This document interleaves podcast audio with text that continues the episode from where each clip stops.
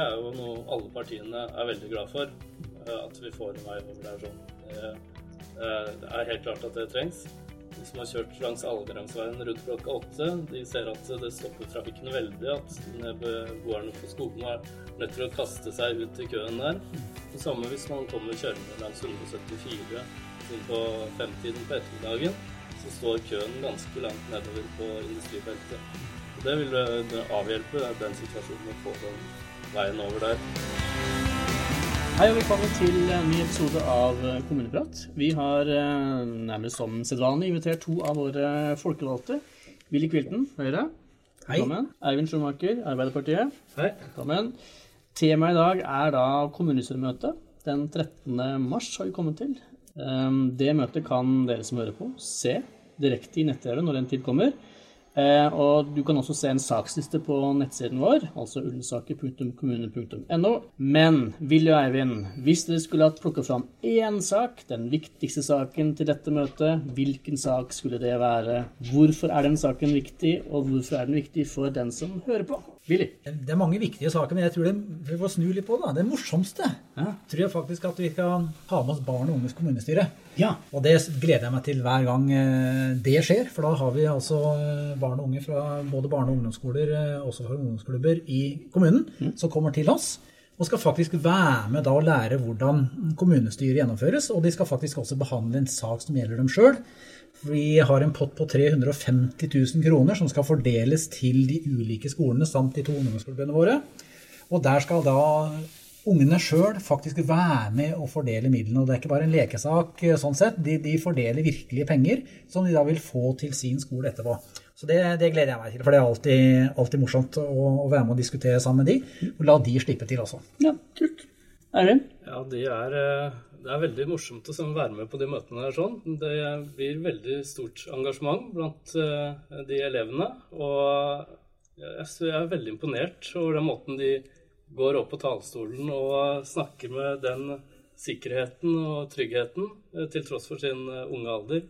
Så det, er, det gleder jeg meg til selv. Det blir morsomt. Det kan alle altså se på og høre på. Uh, tror dere at det kommer noen fremtidige politikertalenter ut av denne seansen? Det er jeg nesten helt overbevist over. Hvordan blir du med i dette, forresten? Er det, hvordan blir du med i Barn og unges eh, kommunestyre? Det går gjennom elevrådet ved den enkelte skole, som da peker ut sine representanter. Det er vel to representanter fra hver skole, tror jeg. Som da pekes ut av elevrådet og møter opp da i kommunestyresalen og sitter sammen med oss øvrige politikere og er med og behandler saken. Spennende. Ja. Noen flere saker, da? Jeg syns det er en veldig spennende sak her, som er veldig sånn prinsipielt viktig. Som eh, vi har behandlet i formannskapet, men som eh, Arbeiderpartiet anket inn til kommunestyret. Eh, Og det handler om en søknad om å rive et verneverdig hus, som er det siste gjenstående huset av den gamle stasjonsbyen på Esheim. Og når det, den rivingen av det huset ble vedtatt, så syns vi for det første det var veldig trist, fordi det er en del av historien vår som da ikke vil være med videre til neste generasjoner.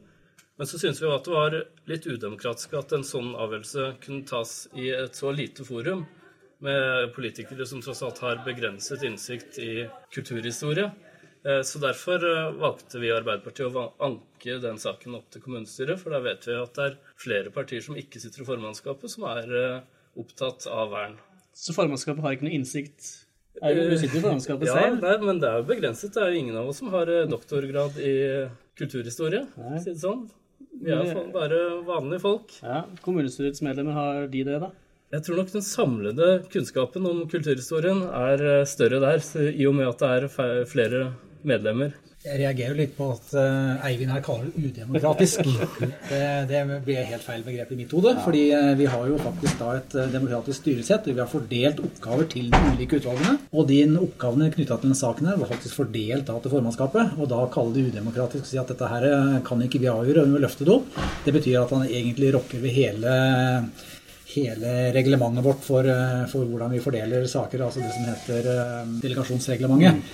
Eh, Og det stusser jeg litt over. Så det, Vi syns det var veldig merkelig av Arbeiderpartiet at de ønska å anke denne men selvfølgelig, de er i sin rett til å gjøre det. Men jeg syns de uthuler litt det, det verktøyet og virkemidlet som, som den ankemuligheten skal brukes til. Nå skal ikke det bli en diskusjon, da, men, men formannskapet er jo faktisk et demokratisk styringsorgan. Ja, det må sies, det er det. Men jeg må si òg at jeg har fått veldig positive signaler fra fra de partiene som ikke sitter i formannskapet, eh, om at jeg anket denne saken. Eh, av faktisk alle de andre partiene. Fordi det med å ta vare på historien vår, det er noe egentlig de fleste syns er veldig viktig. Og særlig med den veksten vi har i Ullensaker, og særlig i Esheim i dag, så blir det ekstra viktig å ta vare på noen ting som forteller om den historien hvor vi kom fra. Jeg kan fortelle en liten sånn anekdote som jeg føler er litt eh, passende. For jeg, var eh, jeg feiret jul i Savannah i Georgia. Og grunnen til at den byen har utviklet seg sånn som den har, er pga. to veldig viktige hendelser. Eh, under slutten av borgerkrigen i USA så var det sånn at nordstyrkene de brant jo alt de kom over. Og de som bodde i Savannah, de syntes den byen var for fin til å brenne. Sånn at når nordstyrkene nærmet seg, så overga de byen eh, på betingelse at den skulle få stå. Derfor fikk Abraham Lincoln et telegram 22.12. året før eh, slutten av borgerkrigen. Det stemmer det at det må ha vært da 1864. Eh, vi, vi, satser på det. Ja, der det sto at uh, du, vi overgir uh, byen Savannah. Uh, derfor holdt, fikk den holde sitt preg i noen år til. Men så kom man til det harde 20-tallet, og da begynte alle de historiske bygningene å forfalle. Og de forfalt helt til langt ut på 70-tallet, faktisk. Eh, da måtte de som var interessert i kulturhistorie og arkitektur, virkelig kjempe for at eh, ikke disse vakre byggene skulle eh, jevnes med jorden og bli parkeringsplasser og bensinstasjoner. Men så var det en gruppe som begynte å kjøpe opp ett og ett av de gamle kvartalene og restaurere de helt. Og nå er jo Savannah kanskje USAs vakreste og mest romantiske by.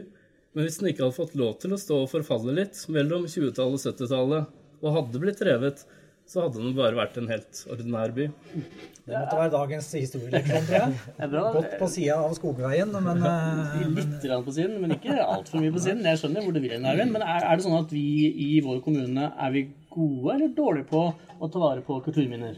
Jeg syns vi er ganske gode, men så må vi bli enige med oss sjøl hva vi skal ta vare på og hva vi ikke skal ta vare på. Vi, vi kjenner jo alle til det, det bevaringstriangelet, som vi kaller det. Og i hvert fall vi i Høyre mener at vi må, vi må bestemme oss hva vi skal ta vare på og ikke ta vare på. Eh, vi kan ikke ta vare på alt, eh, og ikke alt tidstypisk nødvendigvis heller, for da må vi liksom samle på nesten alle bygninger. For alle er jo på en måte et resultat av sin tid, så vi må velge ut litt. Og når det gjelder Skogveien 1 eh, vi i Høyre er jo vanligvis ganske bevisste på rundt det med kulturminnevern og sånne ting, men, men, den bygningen der er rett og slett ikke lenger representativ. For den er bygd om så mange ganger og flikka ordna på. Og det er hengt på husmorvinduer, og det er gjort om, og alle de tidstypiske trekkene på et huset er egentlig borte. Så da mener vi at uh, det ikke er nødvendig å verne det bygget der. Derfor gikk vi inn for, uh, for riving. Men så har vi jo vært veldig Eh, klare på både bevaringstriangelet, administrasjonsbygget, som vi var en av de som kjempa for at det skulle eh, restaureres, og pakkehus og alt det der. Det er vi veldig enige i at det skal bevares. Men, eh, men alt som er flikka ordna såpass mye på at det ikke måte, er lenger en del av den tiden som på en måte skal representeres, så mener vi at det blir feil å verne. Jeg er litt skuffet egentlig over Høyre når det gjelder det med bevaring og hvordan man ser for seg den estetiske utviklingen av byen. For nå har vi jo senest, eh, bare for noen uker siden, så hadde vi en annen bevaringssak der mange involverte seg i å få bevart eh, DNB-bankbygningen, som ble bygget på 1930-tallet og var sitt eh, eneste eksempel på sånn modernistisk funksjonalisme.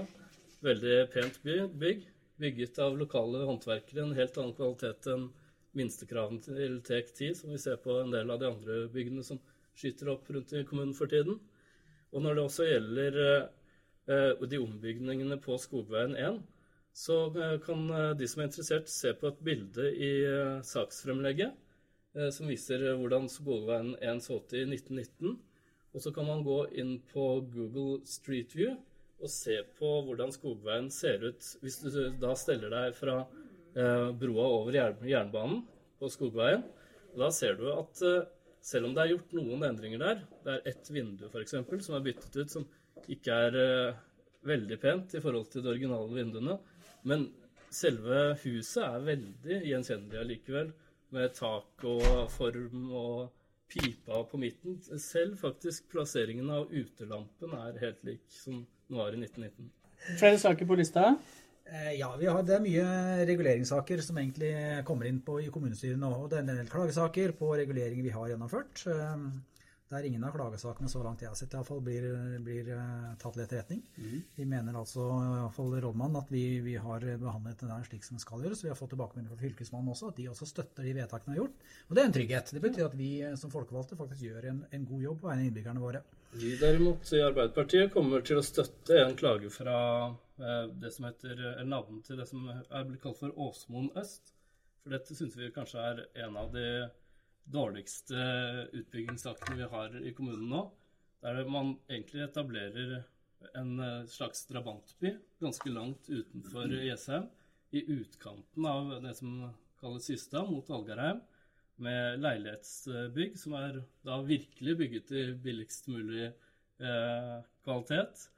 Eh, og der er det en klage fra naboene om at det syns de for det første kommer til å ødelegge miljøet.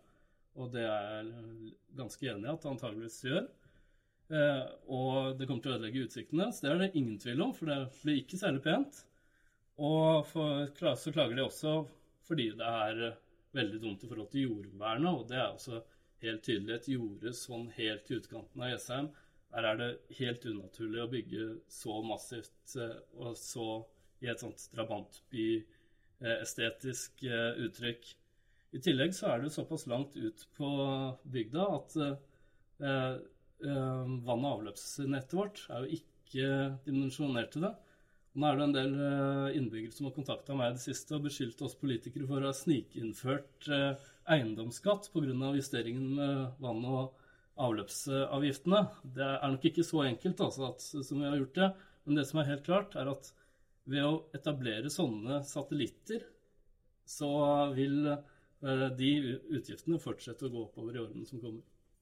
Dette er helt typisk, fordi Arbeiderpartiet var imot den utbyggingen utbygging her i første omgang. Så nå bruker de altså en naboklage som en argument for å kjøre en omkamp. og Det er vi selvfølgelig helt uenig i, så det tror vi ikke kommer til å få flertall i kommunestyret.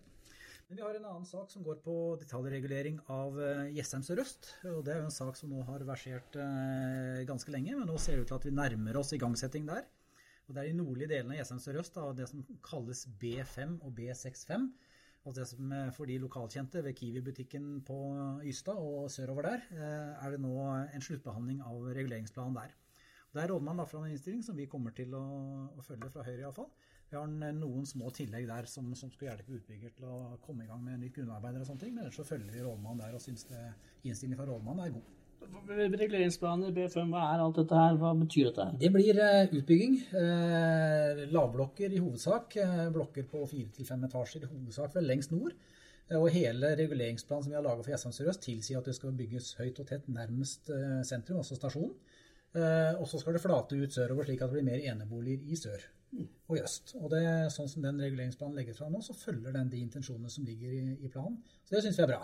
Mm, og da forplikter du den også uh, utbyggerne til å bygge en vei fra, um, uh, fra det som heter, het Billy i gamle dager, den uh, rundkjøringen der, til ut ved E6-en.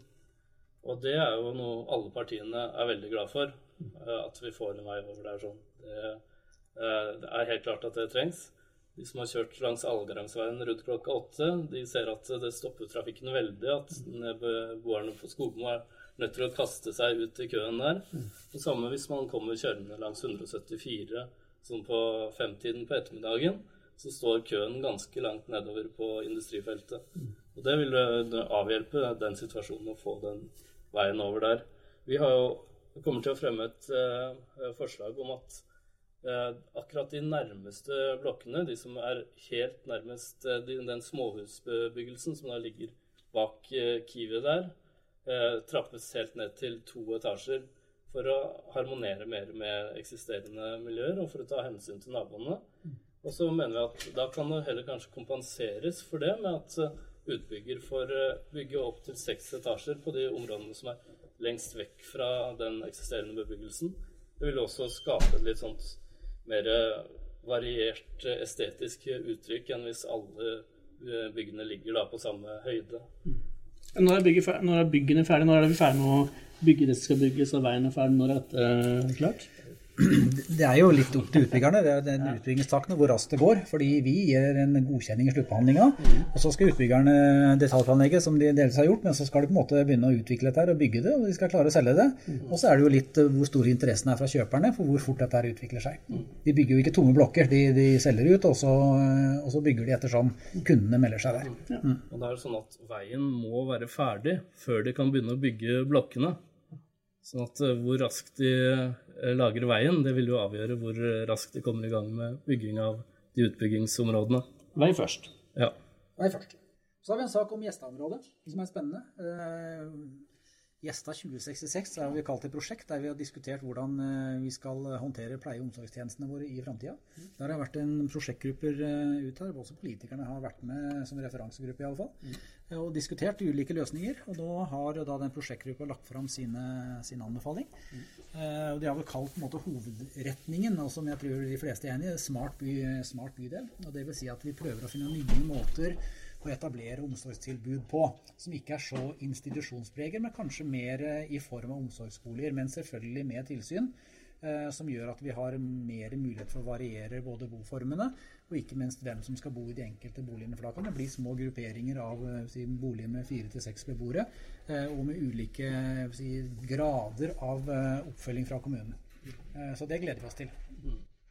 Det vil jo også gi en del av beboerne en følelse av mer frihet. At man klarer seg selv og bor for, eh, på egen hånd. Men allikevel at man har den tryggheten ved å ha støtte i nærheten hvis det skulle være behov for det. Og så vil, det, vil vi prøve å bruke en del sånn digitale løsninger også for å hjelpe til. Eh, det vil jo da si at vi kan spare inn penger som vi kan da bruke på de som virkelig trenger eh, varme hender. Ja, for det, det, er noe vi kanskje ikke alle vet, men Ullensaker kommune ligger ganske langt fram med det som kalles velferdsteknologi. Ganske flinke på å utvikle og, og ja, kanskje også ta i bruk. Jeg vet ikke. Ja, det vil jeg si. Og det har jo vært et fokusområde for oss politikerne egentlig i ganske mange år nå. Mm. Det å ta i bruk moderne teknologi. Og vi ser spesielt på det nye helsehuset som vi åpna nå, mm. der de virkelig har tatt eh, tilgjengelig teknologi i bruk. Mm. Og som gjør at vi kan gi både bedre tjenester, større trygghet for de som bruker tjenestene våre, og ikke minst er det også eh, en effektiv drift med tanke på bemanning og sånne ting. Vi har også en sak som går på eh, organisering av voksenopplæringen, som jo er spennende. Eh, ikke minst for de som jobber på voksenopplæringen også. Og det går jo litt på at de nå er i ferd med å vokse seg ut av de lokalene de har i dag, som er likevel godt. Og så er det å finne nye løsninger for det. Og så diskuterer vi der. Der er jo vi vertskommune for de andre kommunene rundt oss. Eh, og det er klart det påvirker også ressursbehovet ved at eh, dess flere som da kommer, eh, dess mer rom trenger vi. Og da nærmer vi oss nå en, en litt sånn kritisk grense for hvor vi gjerne kanskje da må investere ganske mye penger. Og da må vi på en måte sette oss ned og diskutere hva er veien videre nå. Og Der er det lista ulike alternativ fra administrasjonen, så vi kommer til å diskutere kanskje ganske grundig, tenker jeg, i kommunestyret. Altså. Der har vi hørt det kanskje kommer et forslag fra høyresiden om at eh, vi skal avvikle det vertskommunesamarbeidet. Eh, det er et forslag som har kommet i hovedutvalgene. Det syns jeg er veldig trist, hvis vi som eh, regionsentrum skal slutte å ta ansvar. Og på en måte så vil det også forsterke et litt sånn trist rykte som Ullensaker har, da, på at vi ikke bryr oss særlig om våre nabokommuner og kjører på veldig på egen hånd. Litt sånn storebror tendenser. Da. Der er jo ikke vi enig i det. Eh, for det, jeg syns det er flott med kommunalt samarbeid, jeg. Ja. Men, eh, men, det kommunale samarbeidet må på en måte gagne oss også, slik at ikke vi bare blir en, eh, i verste fall en form for mjølkeku for de andre, og at de lener seg for mye på oss. Vi skal forvalte de ressursene som innbyggerne gir oss i form av skatteinntekter, og de må vi forvalte på en god måte. og Da skal vi ikke sløse bort de på, på å være dumsnille heller. Så, så vi syns interkommunalt samarbeid er flott, men da må det på en måte være noe som, som vi føler vi også får nødvendig utbytte av. og Det er her vi er litt sånn i stuss når det gjelder voksenopplæring. Fordi eh, det er en veldig kort horisont på de avtalene vi har med andre kommuner, så vi kan risikere å gjøre store investeringer, og plutselig velger de å få eh, etablere sitt eget tilbud eller kjøpe det andre steder. Og da sitter vi der da egentlig med med å bundet midler i kanskje mye lokaler, og ikke minst at vi har eh, ansatt veldig mye eh, lærere i voksenopplæringen vår som da plutselig ikke har mer. Det tror vi er veldig lite sannsynlig at våre nabokommuner skal trekke seg fra den avtalen, fordi det vil være svært kostbart for eh, de. Og vi ser jo tvert imot at det er veldig sterke signaler fra nabokommunene våre som at de ønsker å samarbeide med Ullensaker, og at de og har behov for det. Og da syns jeg heller at det er viktig at vi kommer til løsninger sammen. da. Så det er jeg helt sikker på at kommunene vi samarbeider med, er villige til. Finne en god løsning så vi kan fortsette dette samarbeidet. Ja, min magefølelse er at vi kommer til å eh, gå til andre kommuner, at det blir resultatet av kommunestyret. At vi, vi går ut til nabokommunene våre og, etterspør eh, hvorvidt noen av de vil overta vertskommuneansvaret, eller om vi finner andre, andre, løsninger på det. Ja, For Ullensaker har et godt samarbeid med de andre kommunene i distriktet? Det er jo veldig omdiskutert. Da. Det er jo mange som mener at Ullensaker er eh, svært arrogante i sine, sin fremtoning mot uh, nabokommunene. Det er jo et uh, rykte som nok vil bekreftes av de fleste nabokommunene våre. Da er ikke jeg helt enig selvfølgelig. Eh, Syns ikke vi skal dra den noe særlig videre. Eh, bare se på, på, eh, på søppel, f.eks. Øras på Dal, som er et godt interkommunalt samarbeid. Eh, vi har ganske mange andre interkommunale samarbeid også. Det ser jo Legevakten nå, som er etablert i det nye helsehuset også. Legevaktordninga har vi hatt i mange år på vegne av de andre i et interkommunalt samarbeid. Så, så, så, jeg, og brann og redning også, så, så jeg syns det er feil av Eivind her å, å, trekke opp det. For jeg, jeg, min opplevelse i alle fall er at vi har veldig mye bra samarbeid på, på interkommunalt, eh, side også. Det er helt klart at de som Willy nevnte der, har vi veldig god samarbeid i. Men vi hadde også en sak oppe for litt siden om vannverk. Samarbeid innenfor vannverk med Nannestad. Der etter at det var lagt ned ganske mye administrative ressurser i å finne, fremforhandle en uh, avtale, så gikk Ullensaker ut av den avtalen. Og Nannestad måtte da bli stående igjen alene, på tross av at de gjennom sine politiske organer hadde gitt veldig uttrykk for at de ønsket det samarbeidet. Ja, men vi har jo bygd vannverk som er stort nok til også å levere vann til Nannestad. Så, og Nannestad har hele tiden hatt tilbud om å, å få vann fra Ullensaker. Så, så, det er litt feil framstilling fra Eivind der. Eh, men Nannestad valgte da å ikke kjøpe vann fra Ullensaker, og heller videreføre det opprinnelige anlegget som er i Sjunken. Og det har Nannestad sin fulle rett til å gjøre det, men eh, vi hadde altså gjort alt til, lagt alt til rette for at Nannestad kunne få vann fra Ullensaker. Ja, og der ville det blitt billigere vann- og avløpsavgifter, kommunale avgifter altså, for Ullensakers befolkning, hvis vi hadde valgt å gå for samarbeidet med Nannestad.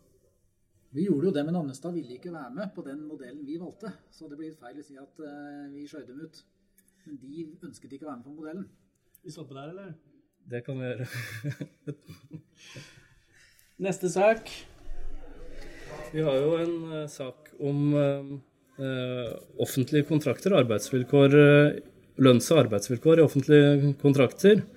Der har Arbeiderpartiet vært veldig tydelig på at vi ønsker å adoptere det som blir kalt for Oslo-modellen, der man, kommunen tilbyr alle som jobber innenfor Oi, nå ble det stokka seg litt for meg. Jeg tar det på nytt, jeg. Ja. Så har vi en sak om oppfølging av lønns- og arbeidsvilkår for offentlige kontrakter. Når det gjelder byggebransjen, så ser vi at det er veldig mye dårlige forhold. Mye sosial dumping.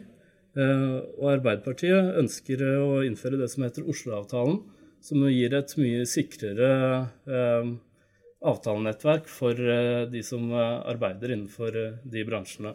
Og nå skal jo Ullensaker snart gå i gang med å bygge både nytt svømmebasseng og ny skole på Algarheim. Da er det viktig både for de som jobber som, innenfor leverandører og underleverandører, å være sikret de beste arbeidsvilkår. Der er det viktig at det offentlige går foran med, gode, eh, med et godt eksempel. Der ønsker ikke vi gå så langt, men det er klart vi har fokus også på lønns- og arbeidsvilkår. Men vi vil la innkjøpskontoret vårt, altså Øvre Romerike innkjøpskontor, som er et interkommunalt samarbeid, vel å merke, eh, de skal være de som går ut og tar stikkprøver på vegne av oss, og også sørge for at i kontraktene så blir det tatt inn, eh, tatt inn gode betingelser som, som fordrer at leverandørene kommer med HMS-avtaler og, og, videre slik, som gjør og vi gir oss en sikkerhet for at de er seriøse firmaer som vi tar denne kontrakt med. Så her syns jeg vi faktisk får på plass gode rutiner allerede, uten at vi går så langt som til Oslo-modellen som Eivind er inne på. Det er helt klart at denne avtalen er et skritt i riktig retning. Men eh, vi håper at vi skal kunne gå enda lenger. Når de klarer det både i Oslo og Skien, så bør de klare det her i Ullensaker også. Jeg tror jeg har vært innom det egentlig, det, det grøvste. Men det er en sak som vi ikke har tatt opp. Og det er rett og slett fordi den ikke står på lista til behandling i kommunestyremøtet. Men det er likevel en sak som er viktig, og det er tredje rullebane. Og nå er det ikke sånn at Ullensaker skal bygge tredje rullebane, det er det staten som skal gjøre, eller Avinor som skal gjøre. Men vi har likevel en sak på bordet, eller hadde en sak på bordet på, i formannskapet. Fortell litt om hva det er for noe. Har ikke besluttet at de skal bygge. Eh, Det er nok en lengre lerret å bleike. Men, eh, men de har jo antydet at hvis det blir behov, så, skal de bygge. Og de har så langt antydet at den kommer på østsida av nåværende Østre. Men klart, da kommer den ganske nærme eh, bebyggelsen og innbyggerne til oss i Ullensaker. Så det er en sak som vi har hatt oppe nå, og som gjorde at rådmannen før jul har innført et midlertidig bygge- og deleforbud, som, som har vært, egentlig vært mye blest om. Ingen tvil om det. Og nå skal vi da, vi politikerne, si vårt om, om den saken der. Det er en sak som har eh, opptatt særlig de som bor i områder som Sand og Mogreina og Håvin, som eh, har vært veldig redd for at eh, et sånt bygge- og deleforbud vil påvirke eiendomsprisen deres. Og det skaper en del usikkerhet. Eh, og nå er jo også det bygge- og dele- deleforbudet basert på veldig usikre prognoser. Fordi utregningene på flystøy, eh, de er usikre. Og det er jo usikkert om rullebanen i det hele tatt skal bygges. Og hvis eh, stortingspolitikerne vedtar å bygge den, da, på tross av motstand fra samtlige lokale politiske partier i Ullensaker, så vil jo, i hvert fall for meg, så vil jo all fornuft tilsi at den rullebanen burde havne på et sted der den er eh, minst mulig til sjenanse for innbyggerne. Og på, på bakgrunn av alle de momentene så syns vi at det vil være en altfor stor inngripen i eiendomsretten til folk å eh, innføre det bygge- og deletilbudet akkurat nå, i hvert fall.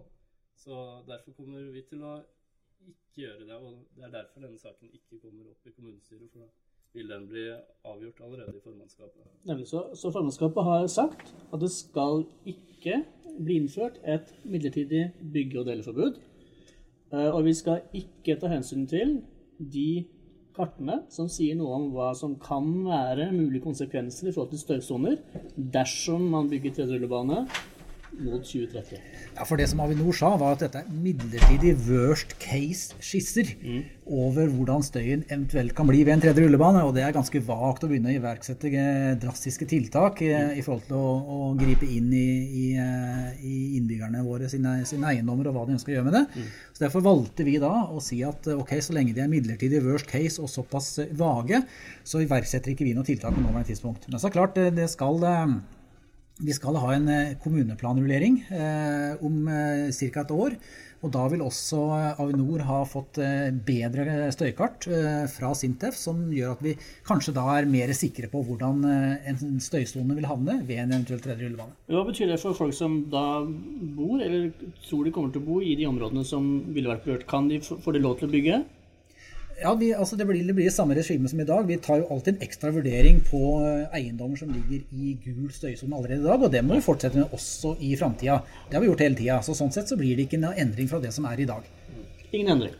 Nei, da vil jo alle byggesaker bli eh, beregnet ut ifra dagens støysituasjon. Så um, innenfor gul eh, sone så vil det være lov til å bygge hvis eh, utemiljøet ikke har mer enn 55 desibel støy. Vi skal ta en liten prat om dette med øh, det vi nå snakker om, eh, sammen med noen fra administrasjonen eh, i en egen podkast om litt. Eh, så jeg tenker vi bare sier at det er nok for i dag. Mm. er det noe dere har lyst til å si helt på slutten, rett før kommunestyremøtet den 13.? Nei, jeg, Lykke til, liksom. Lykke til, kan du si. Ja. Men altså, engasjement fra innbyggerne, det syns Ja. jeg er flott. Møt gjerne opp i kommunestyret. Se lov. hvordan vi Ja, selvfølgelig. Selv om vi nå viser det på kommune-TV, Ja. så er det fortsatt lov å møte opp på kommunestyresalen. Du får litt annet inntrykk av dynamikken da når du faktisk er til stede i salen Mm. og ser hva som skjer. Så hjertelig velkommen til kommunestyret, sier jeg. Bra. Da sier vi det sånn. Eivind Schumacher, Arbeiderpartiet. Willy Kvilten, Høyre. Takk for at dere tok dere tid til å komme i dag også. Eh, lykke til i kommunestyremøtet. Og så til dere som har hørt på. Sakene kan dere lese mer om på ullensaker.kommune.no. Eh, dere kan se møtet direkte på nett-TV, eller komme til oss på, på, på ettermiddagen. Begynner klokka fem. Uh, og så kan dere bruke Facebook og nettsiden og eller sende e-post til oss hvis dere vil spørre oss om noe, eller har dere innspill til et eller annet. Engasjement, det var det dere ville ha, Willy. Engasjement vil vi ha. Kom igjen. igjen. ringe rett til dere som politikere. Ja, ja, ja. Telefonnummer ligger på nettsida. Så er det jo veldig mye spennende lesestoff på møtekalenderen. Der kan man gå gjennom alle sakene og gjøre seg opp en mening om hva man selv synes.